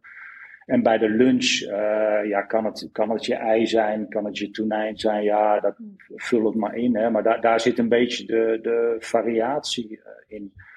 Uh, er zit wel verschil in eiwit. Hè? Dus je hebt uh, caseïne wordt wat langzamer uh, opgenomen. Dat is met name richting de nacht is dat prettig. Je, je, het herstel trek je gewoon wat langer door. En als je dit voorbeeld precies hetzelfde doet, maar dan voor een plantaardige dieet. Dus ik heb geen melk, geen ei, uh, geen tonijn. dat is, hoe, hoe, los ik dat op als, uh, als plantaardig? Ja, dan, dan, nou ja, dan, dan, kom je in de bonen en, en, en, dat soort alternatieven. Maar je moet dan wel echt naar de tekentafel. Ik zeg niet dat, dat je het niet moet doen, maar het wordt wat onhandiger. Je zult, dat gaat misschien een beetje te ver, hè, maar je, je, eiwit is, dat zijn aminozuurbouwsteentjes. En je hebt een bepaalde drempelwaarde nodig van één aminozuur, leucine. Uh, en dat, dat is vooral te vinden in dierlijk eiwit. Hè. Je ziet ook wel plantaardige varianten waarbij het toegevoegd is. Maar je moet er wel beter over na gaan denken om aan de juiste hoeveelheid te komen. Ik, het is nogmaals, hè, ik, ik, misschien heb ik, ik weet eigenlijk geen eens, ik denk geen eens dat ik een. een uh, dat wilde ik vragen, of je een marathonloper hebt. Ja, ja, nee, ik zit, nee, volgens mij geen eens. Uh, uh, maar de, de, ik ben daar niet tegenstander van, maar je moet naar de tekentafel. Je moet echt wel goed ja. kijken van, van hoe je dat invult. Maar is het dan omdat het dan moeilijk is voor die uh, atleten om te herstellen? Is, is dat de reden dat ze het niet doen of is het gewoon toeval? Uh, hoe bedoel je? Wat, wat is dan toeval? Uh, jij zegt, jij, jij werkt niet met, jij hebt op het moment geen marathonlopers bijvoorbeeld die, die vegan of vegetariër nee, nee, nee, zijn. is dat omdat het heel moeilijk is om goed te herstellen? Of is het of is het gewoon toeval dat, dat je niet met... Dat, dat uh, is toeval, ja. ja. Dat, dat, is, dat is echt toeval. Ik heb niet... Ja. Uh, nee, ja, nee. Ik krijg en ook in andere sporten toegewezen. niet? Nee, nee. Ik, zit, ik ben in de tussentijd hard aan het denken, maar nee, nee. nee ja. Nee, nee. Nee, nee, het lijkt me ook moeilijk, want het is inderdaad gewoon... Uh, het is, ja, ik vind het ook wel makkelijk om uit, uit ja. vlees en zo het herstel te halen. Het hoeft natuurlijk niet iedere dag, maar ik ja, ik heb wel vaker van atleten verhalen gehoord inderdaad dat als ze vegetarisch of vegan gingen eten, dat, dat er vervolgens dat ze van alles met supplementen hebben geprobeerd, maar dat het toch niet hetzelfde was, het herstel. Dus dat het toch heel moeilijk is. Ja, ja, ja. ja, Je, ga, je, je, je, je moet echt goed nadenken. En ik, ik denk wel, het is te doen, maar je moet wel echt naar de tekentafel. Je moet je echt wel bewust zijn van, van de invulling die je dan gaat geven. Ja. En is het waar dat uh, hoe ouder je wordt, je stiekem iets meer eiwitten nodig hebt? Ja, er is. Nou, kijk, het is eigenlijk een andere discipline. Hè?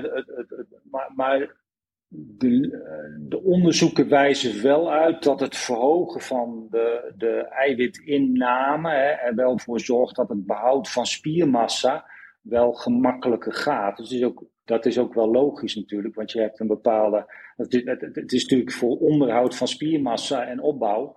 Uh, dus, dus je ziet wel, je hoort ook echt wel geluiden dat de grens die we nu hanteren voor de gewone populatie wel, wel aan de magere kant is. En dat je. Uh, kijk, voor mij is het altijd. Topsport is heel simpel. Hè? Ik moet ervoor zorgen dat het herstel groter is dan de schade. Dat betekent dat er echt een bepaalde hoeveelheid eiwit nodig is in totaliteit. en die, die, die is wel aanzienlijk hoger dan in een normale populatie. Uh, en je ziet, je ziet ook wel in de literatuur verschijnen dat ook bij, bij het ouder worden, het tegengaan van uh, spiermassaverlies, dat een hogere eiwitinname gewoon ondersteunend is. Het, het, het lijf moet er toch. Ja, dat vind ik lastig, hè? Ja, masters ja, toch? Dat is masters categorie, toch? Masters, ja. ja. Nou, laat ja, dat is bij, bij. ik ben 41, Amma. Is dat dan ja, al uh, aan de orde? Ja, dat is, ben je al een stukje in de masters. Ja, ik, ik, ik, ik, je moet er aandacht voor hebben. Want het is, het is wel... Uh, kijk, je, je, moet niet... Als het er niet is, kan het lijf niks. als, het er, als die bouwstenen er niet zijn, ja, dan, dan, dan is het er niet. laat even de spierballen zien. Ja. Oh, oh nu zie ik het. Ja, oh, dat zag je niet. Dat, dat, dat zag je niet. ja. ja. dus ik, ik, ik vind, daar, daarom zeg ik, ik, ik ja. besteed altijd heel veel aandacht aan, aan die backbone van het voedingsplan. Dat zijn echt uh, een bepaalde hoeveelheid vet die belangrijk is hè, voor, de, voor de celwandstructuren, voor de hormonen, hè, dat, voor de hormoonopbouw. Uh, en eiwit, dat is echt voor mij uh, de backbone van het programma. En dat, dat ja. zit altijd wel, ik weet niet of u daar iets aan hebt, maar wel snel tussen de 1,8 en 2,2 gram per kilogram lichaamsgewicht. Ja, dus oh. dat, dat is, uh, Suzanne is nu aan het rekenen, maar dat, dat, dat, dat, dat, hè, dat is ja. wel een beetje ik... de, de basis. Ja. ja. Ja, interessant. En dan hebben we nog uh, het onderwerp zoutverlies. Oh ja. Uh, ik, Suzanne en ik hadden het daar al even over. Ik heb wel eens een keer ehm, uh, moest ik een uur lopen. En dan ging ik op een weegschaal staan, een uur lopen, niks drinken en weer op een weegschaal. Nou, eigenlijk meet ik dan alleen maar het vochtverlies. Uh, en ik ging er stiekem van uit dat de samenstelling van zweet eh, per persoon vergelijkbaar is. Klopt dat? Nee. Je schudt nee. ja, nee, dat is Dat zeker heb ik hem al verteld, vergelijkbaar. Oh, oké. Ja, hij luistert gewoon niet. Nee. nee. Nee, er zit een, eh, met name zout, eh, er zit een enorme variatie in qua, qua individu. Het is wel zo dat eh, wij meten dat geregeld, hè, gewoon via pleisters en via een natriummeter. Dus dan zie je wat, wat eh, het natriumgehalte is. Ehm, dat is wel vrij stabiel. Hè? Dus als ik Suzanne meet, dan is dat haar kenmerkende samenstelling van zweet. Ja. Op basis van zout eten of zijn de verschillen eigenlijk minimaal. Het is alleen op het moment dat je naar hitte gaat, eh, dan, dan verandert dat iets. Hè? Dan is er iets adaptatie. Maar op het moment dat je weer in je normale habitat zit, dan, dan normaliseert zich dat. Hè? Dus daar, daar is wel een patroon, een, een soort van kenmerk van zweetsamenstelling. En op Kunnen mensen zelf gewoon daar- zo'n pleistertje eh, opplakken en dat eh, meten? Is dat moeilijk? Nou, nee, want er zit, nou, de pleister op plakken, dat, dat zal nog wel lukken. Alleen je hebt een, een, Je eh, metertje nodig, eh, waarbij je het, het, het vocht eh, in, in het metertje doet en dan zie je de natrium scoren. Ja, Dus, eh, En wat doe ik met die je doen. informatie? Wat, wat, wat Nou, doe wat met je die kunt- informatie? Nou, kijk, de, de, A, de, vraag is: eh, is er überhaupt een probleem? Hè? Dus, dus wat, wat, wat je natuurlijk altijd bekijkt is: oké, hoeveel verliest een atleet? Eh, soms zie ik bij een Keniaanse atleet een enorme witte uitslag op zijn kleding. Eh, oké, dan ga ik toch eens eventjes kijken: heb je, heb je zoutgevoel? Is het altijd zo? Dan kan het zijn dat we wel een, dat we gaan meten en dat we op basis daarvan wel andere eh, drank gaan gebruiken. Zeker met warm weer, hè, als, het, als het warm weer is. Kijk, een normaal gemiddelde elektrolytendrank ja, heeft een, een 200, 300 milligram zout per oplossing. Maar als jij eh 2000 verliest, eh, ja, dan, dan ga je dat nooit matchen. En dan, dan Hmm. kun je wel je elektrolytendrank aanpassen met een hogere dosering. Ik zeg dus niet dat dat altijd nodig is. Maar nee, maar als er echt zout op je lichaam zit, dan weet je dus dat het hoog is. dat, dat, nou, dat, in ieder geval is het voor mij een soort van alarmbel dat ik ga kijken van hoe hoog is die waarde dan. Hè? En Ja. als, als die waarde echt te hoog is, dan weet ik oké, dan ga ik met mijn brave elektrolytendrankje die sommigen nemen, ga ik het niet redden. Hè, Nee. Dus dan, dan, kun je, dan kun je daar beleid op maken. Doe je ook niet altijd, want het is de vraag van ja, wanneer treedt het op? Eh, Bij een eh, long run of, of eh, bij korte loopjes. Maar zo ga je er wel. Ook dat is weer een puzzelstukje. Voor mij zijn het allemaal puzzelstukjes. Hè. Het, is, Ja. het, is niet, het is niet voor mij die glucosemeting of dat natrium. Oh, dat is het. Nee, het is Ja. onderdeel van het totale plaatje. Want een tekort eh, aan elektrolyten, eh, en dus eigenlijk je verliest te veel zout. Dat, Ja. dan, wat, wat kan het eh, effect daarvan zijn, het nadelige effect? Nou ja, neuraal eh, verandert er iets. De, de samenstelling van het bloed gaat veranderen. Het, het eh, vochthuishouding intern verandert. Dus je, je, gaat nogal, je kunt nogal tegen wat problemen aanlopen. Want het lichaam wil eigenlijk, of het bloed wil vooral de samenstelling gelijk houden. Op het moment dat dat verstoord wordt, ja, dan is dat lopen, dat hardlopen is niet zo interessant. Dan gaat het lichaam vooral aan de slag met dat herstellen van, van de samenstelling. En dat kan vervelende consequenties hebben. Dat, eh, dus daar, kun je, daar zou ik altijd wel aandacht aan besteden om daarop te sturen. En dat, dat kan eh, kramp zijn bijvoorbeeld. Dat is de, ja, kramp is heel complex, hè, maar eh, ook dat kan een onderdeel zijn van eh, de zoektocht. Want eh, ik heb wel eens eh, beelden gezien van zo'n van zo'n atleet Nee? die eh, helemaal eh, gedesoriënteerd bijna de finish niet haalde. Ja, ja. Door de warmte. Wat, wat, wat gebeurt er in zo'n geval? Waar, wat, wat veroorzaakt dat? Nou ja, je, je krijgt echt dehydratie. Hè? Dus je, je droogt uit. Dus, dus, dus, dus, en op een gegeven moment gaat alles uitvallen. Vooral het, het zenuwstelsel, je coördinatie. Ja, die, dat zie je dan in dat soort beelden. Eh, ja, dat, dat, dat kan jou keihard raken op die manier. Hè, dus het kan, het, kan, het kan natuurlijk ook zelfs levensbedreigend worden uiteindelijk. Ik wil niemand bang maken, maar dat is wel iets. eh, het is natuurlijk ook wel bekend dat het gebeurt. Ja. dus, dus, dus zeker als je weet. Kijk, normaal gesproken kom je wel uit met een gemiddeld drankje. Maar er, er, zijn, er zijn echt uitzonderingen. Als ik naar mijn atletenpopulatie heb, dan heb ik er echt wel. wel ik, ik, denk dat er 50, 60 atleten onder mij vallen. Ik denk dat er wel 10, 15 zijn die echt out of range zijn qua, qua zoutverlies. Dus echt een, een heel hoog zoutverlies hebben. En gebruiken al die atleten hetzelfde merk sportdrank? Of uh, is het ook nog zo dat verschillende merken beter bij verschillende atleten passen? Ja, ja. ja dat, is, dat is echt, dan kom je echt ook weer op, uh, op comfort van het maag-darmstelsel. Uh, en dat is, dat is trainen. Hè. De, de, de, de, je hebt natuurlijk vaak te maken met een sponsor, maar het wil niet zeggen dat ik daar altijd gebruik van maak als ik weet dat een atleet op, op een specifiek merk gewoon maag-darmklachten heeft, hmm. meer dan bij een ander. Ook dat is een zoektocht. Maar ja, welke samenstelling ga ik kiezen?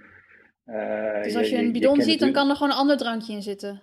Als je een bepaald merk bidon ziet, kan er een ander merk erin zitten. Ja, niemand die het weet, toch? ja, ja, dus het geheim. En is zo'n, uh, je hebt het over al die puzzelstukjes. Uh, en ik stel me zo voor dat het een vrij complexe puzzel is. Maar met sommige atleten werk je al heel lang. Is, zijn er atleten waar die puzzel voor gelegd is? Is het op een gegeven moment klaar? Of?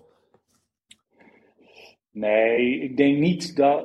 Nee, je bent altijd op zoek naar. Uh, toch, toch naar verbeteringen. Van wat, wat kunnen we nou.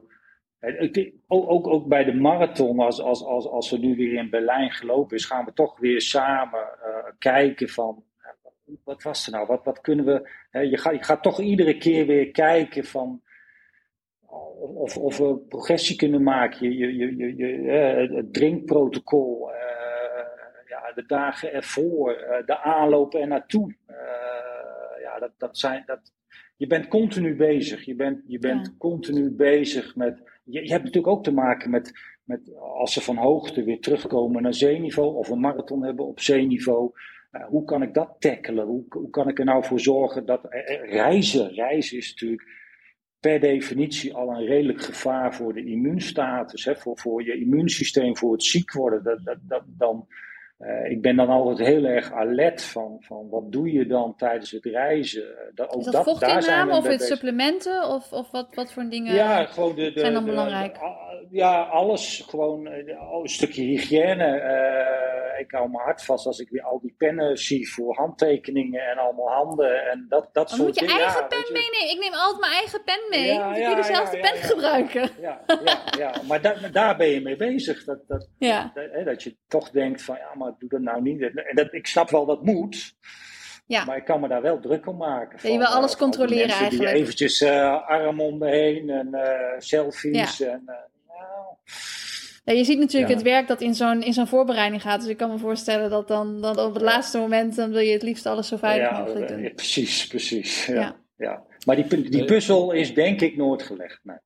Nee. Ik wil nog, uh, nog één vraag stellen, uh, als dat kan, over uh, supplementen. Jullie hadden het er net al eventjes over. Um, ben je een voorstander van supplementen? Of, of kijk je eigenlijk eerst naar wat je allemaal met voeding kan doen? En, en, en is supplement een soort laatste stap? Of hoe, hoe kijk je? Er zijn natuurlijk een heleboel supplementen. Ja, nou kijk, supplement is aanvullen op. Dus je moet vooraf weten waar je op aanvult. Dat, dus dat is het, simpele principe. Dat betekent dat, uh, wat, wat ik eigenlijk net al zei, een voedingsplan hè, bestaat voor mij uit uh, een, een, een, backbone met eiwit, vet en een geperiodiseerde koolhydraatinname. Uh, en afhankelijk van hoe dat ingevuld is met voeding, kunnen er ergens gebieden zijn waarvan ik zeg van nou ja, dat moet je aanvullen met, met supplement X of supplement Y. Dat kan natuurlijk ook op basis van bloed zijn, hè? dat is heel simpel. Dat, op het moment dat, dat de ijzerstatus niet klopt en ik vind ja, die voorraad moet aangevuld worden, ja, dan, gaat, dan gaan we over op ijzersuppletie. Ook dat is weer een zoektocht. Want uh, ijzer, uh, welke vorm gaan we dan, aan welke vorm moet het gebonden zijn? Wanneer is het effectief, wanneer is het niet effectief? Vitamine D is natuurlijk ook zo'n goed voorbeeld. Hè? Op basis van bloedwaarden gaan we kijken van, oké, hoeveel, waar wil ik die waarde hebben en wat ga ik daarvoor geven? En supplementen, wat ik altijd doe, is als er su suppletie gegeven wordt, dan komt er een schema, maar dat gaat altijd van bloed naar bloed. Hè? Dus het is altijd voor een afgebakende periode. En dan kijk je naar uh, uh, het volgende moment.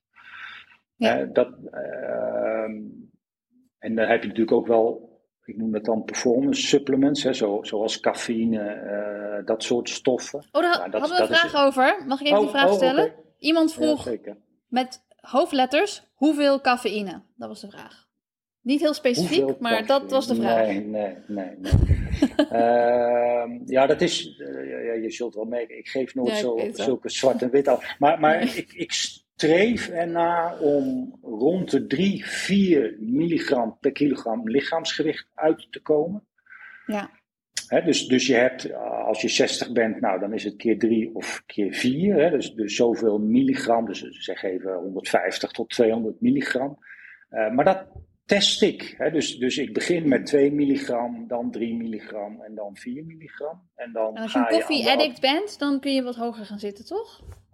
Ja, want je. Nou, Zoals Imo bijvoorbeeld, die drinkt echt 10 kopjes per dag. Dus, uh... Ja, het, is, het lastige is dat je nooit zo goed weet natuurlijk hoeveel er in koffie zit. Maar ik heb, ik heb ook atleten waarbij we het combineren. Hè? Dus, dus die zijn echt gehecht aan een espresso. Dat is prima. Dan combineren we het met uh, een, een, tabletje van 100. Of, uh, het is dat is dan vooraf getest. Van wanneer voel jij je nou uh, het prettigst op deze dosering cafeïne? Ja. En dat, dat kan drie kwartier tot anderhalf uur voor, voor de race zijn. Ik bedenk nu trouwens, ik deed het, ik deed het vroeger. Ik weet ook niet of ik het hier wel eens over gehad heb. Maar toen uh, had een keertje zo'n, uh, hoe heet het, een bewegingswetenschapper in Australië. Die had gezegd van, het is beter als je dus cafeïne neemt voor je wedstrijd, zoals je dat altijd doet. Maar dat je dan in de uh, vier dagen voorafgaand, dat je dan helemaal geen cafeïne tot je neemt. Dus geen koffie drinkt, niks. Want dan heb je een beter effect of zo. Weet ik ja, veel wat. Daar ik, zijn we een beetje geloof... vanaf. Weet ik, maar ik geloofde dat dus ja. toen. En toen, ja, iedereen ja, had het daarover. En ik, maar echt de vier dagen voor een wedstrijd. Oh, dan was ik altijd chagrijnig. en koppijn. En koppijn. En koppijn ook. Eerste dag, de hele dag slapen. En oh, ik vond het verschrikkelijk. En inderdaad, toen, toen, het daar dus, toen kwam er een onderzoek of zo, denk ik. En toen hoefde dat niet meer. En ik was zo blij. Nee, ik dacht, ik ga nee. dit nooit meer doen. Nee, nee, nee. Ja. nee, nee. nee maar kijk, dat is zoiets waar jij zegt steeds van je moet luisteren naar hoe je je ergens bij voelt. Ik luisterde ja, dus niet naar hoe ik me daarbij voel. En ik had dat natuurlijk nooit zo moeten doen. Maar... Je, niet, niet, niet alles blind aannemen. Je moet, je, ik zet overal vraagtekens bij. Kijk, voor mij is, is de, de, de sportwetenschap is, is belangrijk. Het zijn mijn piketpaaltjes. Maar ik kijk heel veel naar fundamenteel biochemisch onderzoek. Daar, daar kijk ik naar. En dan luister ik vervolgens naar de atleet. Voor mij, mm. voor mij is dat ontzettend belangrijk. Van, ik kan Precies. alles verzinnen. Ik kan ja. alles verzinnen. Maar als, als de atleet zich niet comfortabel voelt, om wat voor reden dan ook. Ja. Dan, in het begin neem ik ze niet serieus, hè, want ze moeten ook wel wennen. Hè, dus de eerste paar weken dan luister ik eigenlijk niet. Maar als dat daarna nog steeds die feedback komt, dan ga ik sleutelen en dan ga ik aanpassen. En dan, ja, dan, ga, dan, gaan we naar een manier zoeken dat het echt comfortabel is. Dat, dat het, voor mij is het belangrijk dat het op de harde schijf staat bij de atleet. Dat hij nooit gaat zoeken, dat hij altijd weet: oké, okay, de marathon ja. komt eraan. Oké, okay, op dag min vijf, ik, ik, ik, heb de protocol, dit ga ik doen. Klaar. Ja. ja. En in, in zo'n. Uh in zo'n voorbereiding, want uh, je helpt natuurlijk met uh, alle plannen en de strategieën en om dat allemaal goed te krijgen voor die atleet. Uh, is het ook zo dat je wel eens naar wedstrijden meereist en dat je dan er ook ja, bij bent op de wedstrijddag? En heb je, heb je, speel je daar nog een rol? Nou ja, het, vooral uh, kijken en luisteren. Uh, en, en ik ben vaak bij, bij Elliot bijvoorbeeld, dan, dan, dan, reis ik vaak mee gewoon met de marathon. ook bij Breaking 2? Ja, sterker nog, dan stond ik op het parcours. Uh, Daar bij, weet ik bij, een foto van. Oh ja, ja, ja, ja. ja. Nou, maar daar hadden we natuurlijk een ideale situatie. Ik, kon, ik, ik, ik had een apart kantoortje op, op, op het parcours. Uh, ik, ik had mensen die, die de bidons voor mij opvingen. Dus, en ik had een oortje in waarbij ik dus continu in contact stond met meteorologen. Dus ik wist van welke temperatuur er aankwam. En ik kon mijn bidons op temperatuur brengen die ik wilde. Uh, en ik wist hoeveel er gedronken werd. en wanneer er meer of minder genomen moest worden. Dus dat, was, dat is met militaire precisie is dat echt Ja. uitgevoerd. Die, die mogelijkheid hadden we. Temperatuur, zeg jij. Betekent dat dat de, de drank dan koeler was als het warmer werd? Of, of wat bedoel je precies? Ja, kijk, mijn, mijn grootste zorg was. Wij hadden, wij hadden. Ik weet niet of ik nu too much information geef, maar wij hadden in aanloop naar de race hadden we continu overleg met, eh, met weerdeskundigen. Eh, dus Oh ja. naarmate de race dichterbij kwam, kregen wij, hadden wij als klein team de gelegenheid om te zeggen van die dag gaan we doen. Want dat zijn voor ons de ideale omstandigheden. Dat werd een beetje overroeld omdat het commercieel gezien een wat ongelukkig tijdstip was. Hè. Dus we hadden, eh, Mhm. het werd iets later. Maar de, de weersvoorspelling was dat op een gegeven moment de zon, eh, ik weet niet meer precies hoe, maar die zou op het parcours komen en die zou op uh, Elliott's rug eh, eh, komen.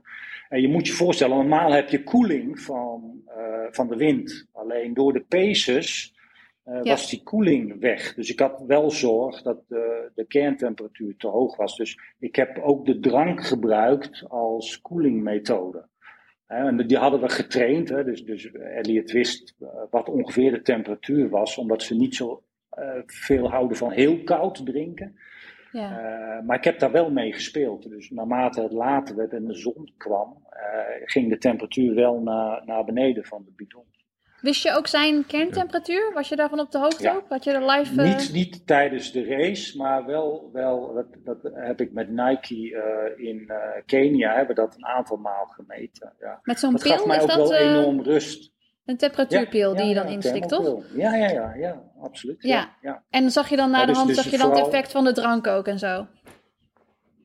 Van de sportdrank? Ja, je ziet, je ziet, eh, je ziet het afvlakken. Hè? Dus we- voor ons was het vooral de inzicht van we moeten niet te bang zijn dat die kerntemperatuur te hoog was. Hè? Want op een gegeven moment eh, kreeg ik ongevraagd adviezen van, van eh, thermofysiologen van zorg nou dat die kerntemperatuur bij die waarde vandaan bleef. Nou, de Mhm. eerste keer dat ik meette, dacht ik van oeh, we hebben een probleem of we hebben een foutmeting. En de tweede keer dat we meten, eh, was het was eigenlijk dezelfde waarde. En toen wist ik, oké, ik, ik moet vooral eh, weer naar dat gevoel terug. Kijken wat er gebeurt met de atleet, feedback van de atleet. En daarop sturen. En dat, dat hebben we op die manier eh, ingevuld.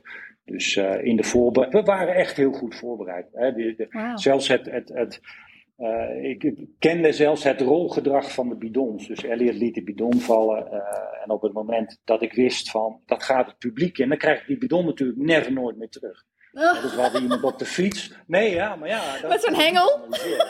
Ja, nee, maar er, was, er stonden, er stonden dan marshals en eh, degene die die bidon terugbracht, die had voor de zekerheid eh, lege bidons. Dus dan kon hij, als het publiek in wisselen. dan kon hij wisselen. Maar hier heb ja, jij wel of zo, je hier bidon. is de bidon van Elliot. Precies, precies. Ja, zo hebben we dat opgelost. Ja. Super. Ja, Ja. ja. Ja, heel mooi. Maar wel, welke temperatuur is nou... Sorry, ja, want di- dit weekend is natuurlijk de Damloop. En er, is, het zijn Ja. natuurlijk ook drankposten. Dus eh, welke temperatuur moet de organisatie eh, de drank maken voor de mensen? Wat is een goede algemene temperatuur om het lichaam koel te houden, maar niet te koel? Ja, nee, ja precies. Je moet, je, je moet wel verschil eh, maken tussen koud en koel. Hè. Ik, ik hanteer meestal tussen de 10 en de 14 graden. Dat is koel. En dan zie je ook dat atleten meer gaan drinken. De smaak verbetert en eh, de atleet gaat Ja. meer drinken. Op het moment dat het te koud wordt, dan wordt er gewoon minder gedronken. Dat is, dat is eh, in, bij, in mijn groep atleten, hè, voor de duidelijkheid. Ja. Hè. Dus, dus ik streef er eigenlijk altijd naar tussen de 10, 14, 15 graden. Dat is een beetje. Gaan wij doorgeven aan de organisatie. Want dat is voor Imo. Imo loopt dit weekend, dus eh, dat eh, Ja. is fijn. Ja. Een door, mooie ja. 13,5 graad. Ja, ja, 13 Komt goed. graden, Ja, ja. Hey Armand, ik wil je heel erg bedanken voor je tijd en je uitgebreide antwoorden. Eh, jouw volgende marathon met Elliot is denk ik eh, over 13 dagen in Berlijn, 25 september. 25e, ja. En je Ja. bent erbij, neem ik aan? daarna- Dat weet ik nog niet of ik bij deze ben. Dat, eh, dat, maar dat gaat altijd op het laatst. Dat, eh, dat, Moet je niet in de die, keuken eh, even kijken of alles goed gaat de avond van tevoren? Nee, nee, nee, want de maaltijden die eh, worden, eh, oh, je hoort heel nieuws, maar die, die worden eh aangeleverd. Meegenomen? Ja, die worden meegenomen, ja. ja. Dus we weten Uit wat, Nederland eh, of uit, eh, waar komen ja, die nee, nee, vandaan? nee, uit Nederland. Uit Nederland. Uit Nederland ja. Ah, van Papendal? Of, eh, ik vind het Nee, heel nee, interessant. nee. even denken. Ik weet niet of ik reclame. Ik dacht Daily Fresh. Eén een van die twee. Die, eh, of hoe heet die andere? Daily Fresh. Het, het, het wordt eh, voorbereid en meegenomen. Oh, leuk, Het, leuk. sta- het staat daar in de koeling. Ja. Ja, hij Ja, eet ook top. gewoon op zijn kamer. Maar hij is, eh, hij is in orde. Hij is in orde. Ja. Hij, hij staat er goed voor. Mooi. Hij denkt, ik gooi mijn hengel uit, even vissen. Ja, Ja, ja, ja, ja, ja, ja, ja, ja. hartstikke mooi. Oké. de 25e, ja. We gaan het volgen. Oké. Nogmaals dank. Graag gedaan. Heel erg bedankt. Oké, Oké. Spreek je. Doei doeg. doei. Hoi, hoi. Doei doei. Hoi. Hoi. Zo, dat was eh, Armand. En, eh, en we zijn weer heel veel eh, kennis over voeding rijker, Suus. Jij ook, toch? Ja. ja, top. hey, en ehm baanseizoen zit er zo goed als op. Ja, volgens mij is het nu wel... Heb je Zurich, heb je Zurich nog gekeken? Ja, dat was natuurlijk de finale. Heb ik zeker gekeken. Die hebben ze mooi verspreid over twee dagen. Ik dacht, waarom doen ze dat? Is dat nodig? Kunnen ze niet beter een nice, eh, compact programma met veel actie? Maar dat is natuurlijk omdat ze de helft van het programma hadden ze op een baantje in de stad. En dan de andere helft was eh, in het stadion. En ik vind dat eigenlijk wel leuk. Ik heb zelf ook wel een paar wedstrijden gelopen waarbij je dus Newcastle bijvoorbeeld, waar ze dan zo'n baantje in de stad leggen en waar je in ieder geval op de baan finisht. Het was dan wel een mijl, dus niet de hele, hele wedstrijd was op de baan. Maar het, was, eh, ja, het zag er bijzonder uit. Het was zo'n baantje van 500 meter. Heb je het gezien? Ja, ik, vond, ik heb in Utrecht een keer eh polstuk hoogspringen in het centrum. En volgens mij hadden ze dat in Zurich ook eh, op dat plein. Ja, Ja, dat is wel bij, per uitstek een, een onderdeel wat er heel cool uitziet. ja, Zo dichtbij. ja, en spectaculair ook. En, dan, en als je inderdaad zo dichtbij kunt komen, want ze ze doen het ook wel eens met wat werpnummers natuurlijk. En ik vind wel, op die manier maak je atletiek natuurlijk wel iets interessanter voor de mensen die niet naar het stadion zouden komen. En dan dat zien en dan wat er gebeurt. En dan misschien vervolgens ook een keertje naar het stadion komen. Dus dat vond ik wel een. een eh, ja, ik vind het altijd wel leuk als het, als het inderdaad naar de stad brengen. Maar nu als inderdaad het baantje, dus een hele vijf kilometer op die baan. Dat was wel bijzonder. Maar ik had wel zoiets van, ja, ze zitten bijvoorbeeld met de lange afstanden. Die willen ze, daar willen ze steeds meer vanaf eigenlijk bij de Diamond League. Want dat is allemaal niet interessant genoeg en is niet snel genoeg. En van die vijf kilometers en ook misschien wel een 10 kilometer heb ik altijd wel het idee van ja, je kunt dat natuurlijk ook gewoon in de stad doen en toch combineren met de Diamond League die op de baan is. En dat je dan bijvoorbeeld, eh, nou ja, van de 10 kilometer eh 9, 9,5 kilometer buiten op de stad, in de stad loopt, dan stadion in, laatste rondje op de baan en dan wel finishen tijdens een Diamond League. Zoiets. Ik zou dat wel vet vinden als ze dat doen. Want zo'n baan bouwen, ik kan me voorstellen dat ze dat niet in iedere stad eh, kunnen doen. Het zal ook wel duur zijn. Maar eh, het beetje combineren van buiten en binnen stadion lijkt me mooi. Ja, Ja, op toernooien was dat in ieder geval vroeger wel zo. Hè? Zeker de marathon, die start ergens. En dan, ja. Ja, dat zie je nu wat minder. Terwijl dan de spanning in het stadion van wanneer komt de eerste lopende baan op... en de orkaan Ja. aan geluid als de eerste de baan opkomt. Dat is ook wel heel gaaf. Ja, het is natuurlijk wel met de marathon, de eerste en de laatste die finishen, zit best wel veel tijd tussen. Dus dan zou je het in een ochtendsessie moeten doen, dat er eigenlijk niks anders op het programma staat, denk ik. Dus daarom maakt het dan weer ook weer niet zo heel veel uit of je dat in het stadion doet of niet.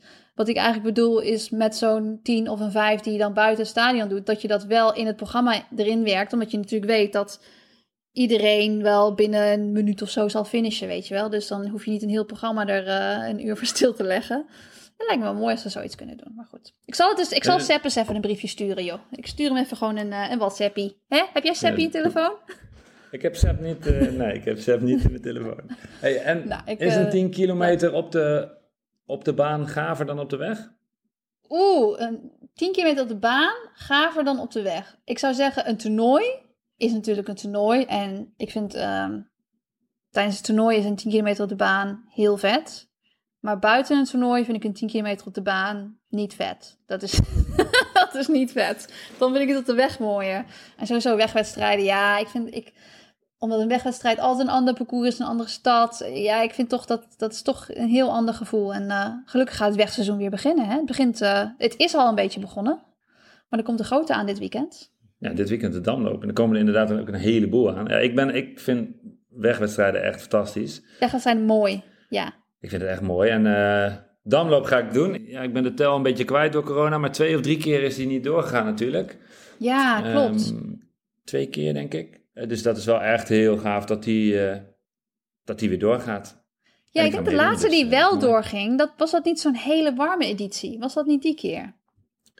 Volgens mij was dat de keer dat halverwege de startwaves eh, gezegd hebben: we gaan stoppen met starten. Dus iedereen die gestart Ja. is mag finishen, maar het wordt nou te warm. Ze hebben, volgens die protocol hebben ze nu een soort van klok, of nee, niet een klok, een thermometer op een groot scherm hangen. En Ja. als de temperatuur boven een bepaald, eh, bepaald eh, getal komt, dan eh, is het eh, stoppen met starten.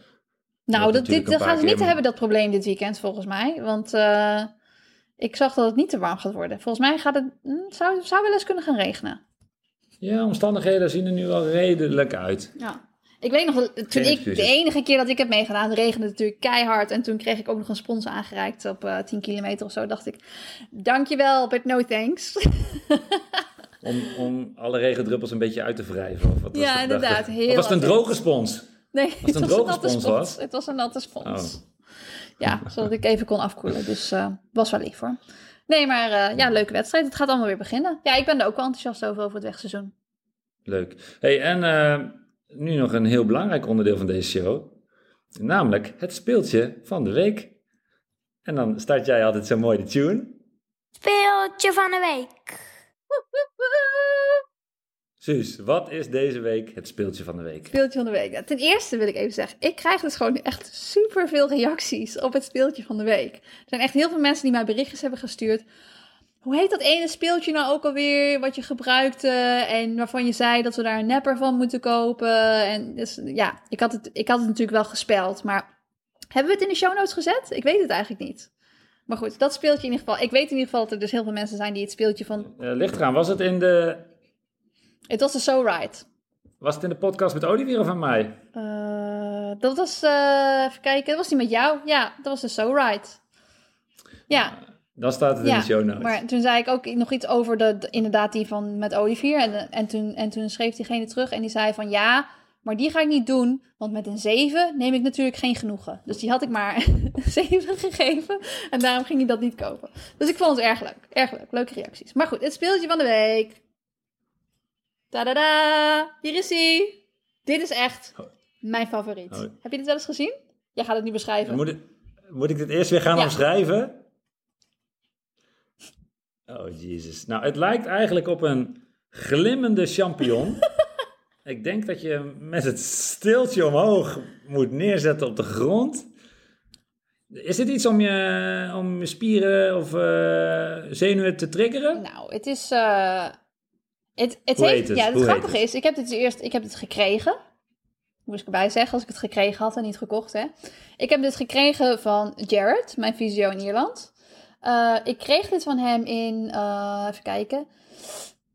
Het was volgens mij eind 2017 of begin 2018. Het was net toen ik die voetblessure met mijn peesplaat had gehad. En toen had ik dus, eh, ik had natuurlijk een scheur en daar was ik het van hersteld. En toen had ik daarna heel veel littekenweefsel op mijn voet. En dit is dus iets wat je kunt gebruiken om dat littekenweefsel te masseren. Dus hiermee kun je eigenlijk zelf je eigen voet masseren. Maar je kunt hem ook op andere plekken gebruiken. Ook inderdaad voor trigger points bij je heupen. Je hebt een vraag. Heb ik, heb ik wel eens gezien dat je dit gebruikte en zei ik toen... Holy shit, wat druk jij hard met iets Ja. op je voet? En toen was het ook... Oh, dit doet pijn, Nee, het is helemaal geen pijn. Want je doet het zelf. Maar... ehm, Oh. Het is wel, kijk, bij mij, omdat ik dus één voet heb waarbij ik dat littekenweefsel heb en andere voet niet, is het wel zo dat bij mij één voet altijd best wel crunchy is. Dus dan hoor ik dat ook en dan klinkt dat veel erger dan hoe het voelt. Maar het werkt wel heel goed. Bijvoorbeeld als je dus, eh ja, peesplaatsontsteking, het noemen ze ontsteking, maar is natuurlijk niet echt ontsteking. Als je daar last van hebt, dan kun je dat weefsel wel soepeler maken. En dan kun je gewoon, nou ja, dan, dan is dat alvast langer als je begint met lopen. En dan nou, dan eh, trek je daar niet zo aan. Dus dat werkt wel heel goed voor de warming-up. Dus dat is heel fijn. Alleen Jared heeft het dus ooit... ehm, hij zei volgens mij in 1995 of zo... heeft hij dat een keertje van iemand gekregen in Florida. Toen hij daar werkte.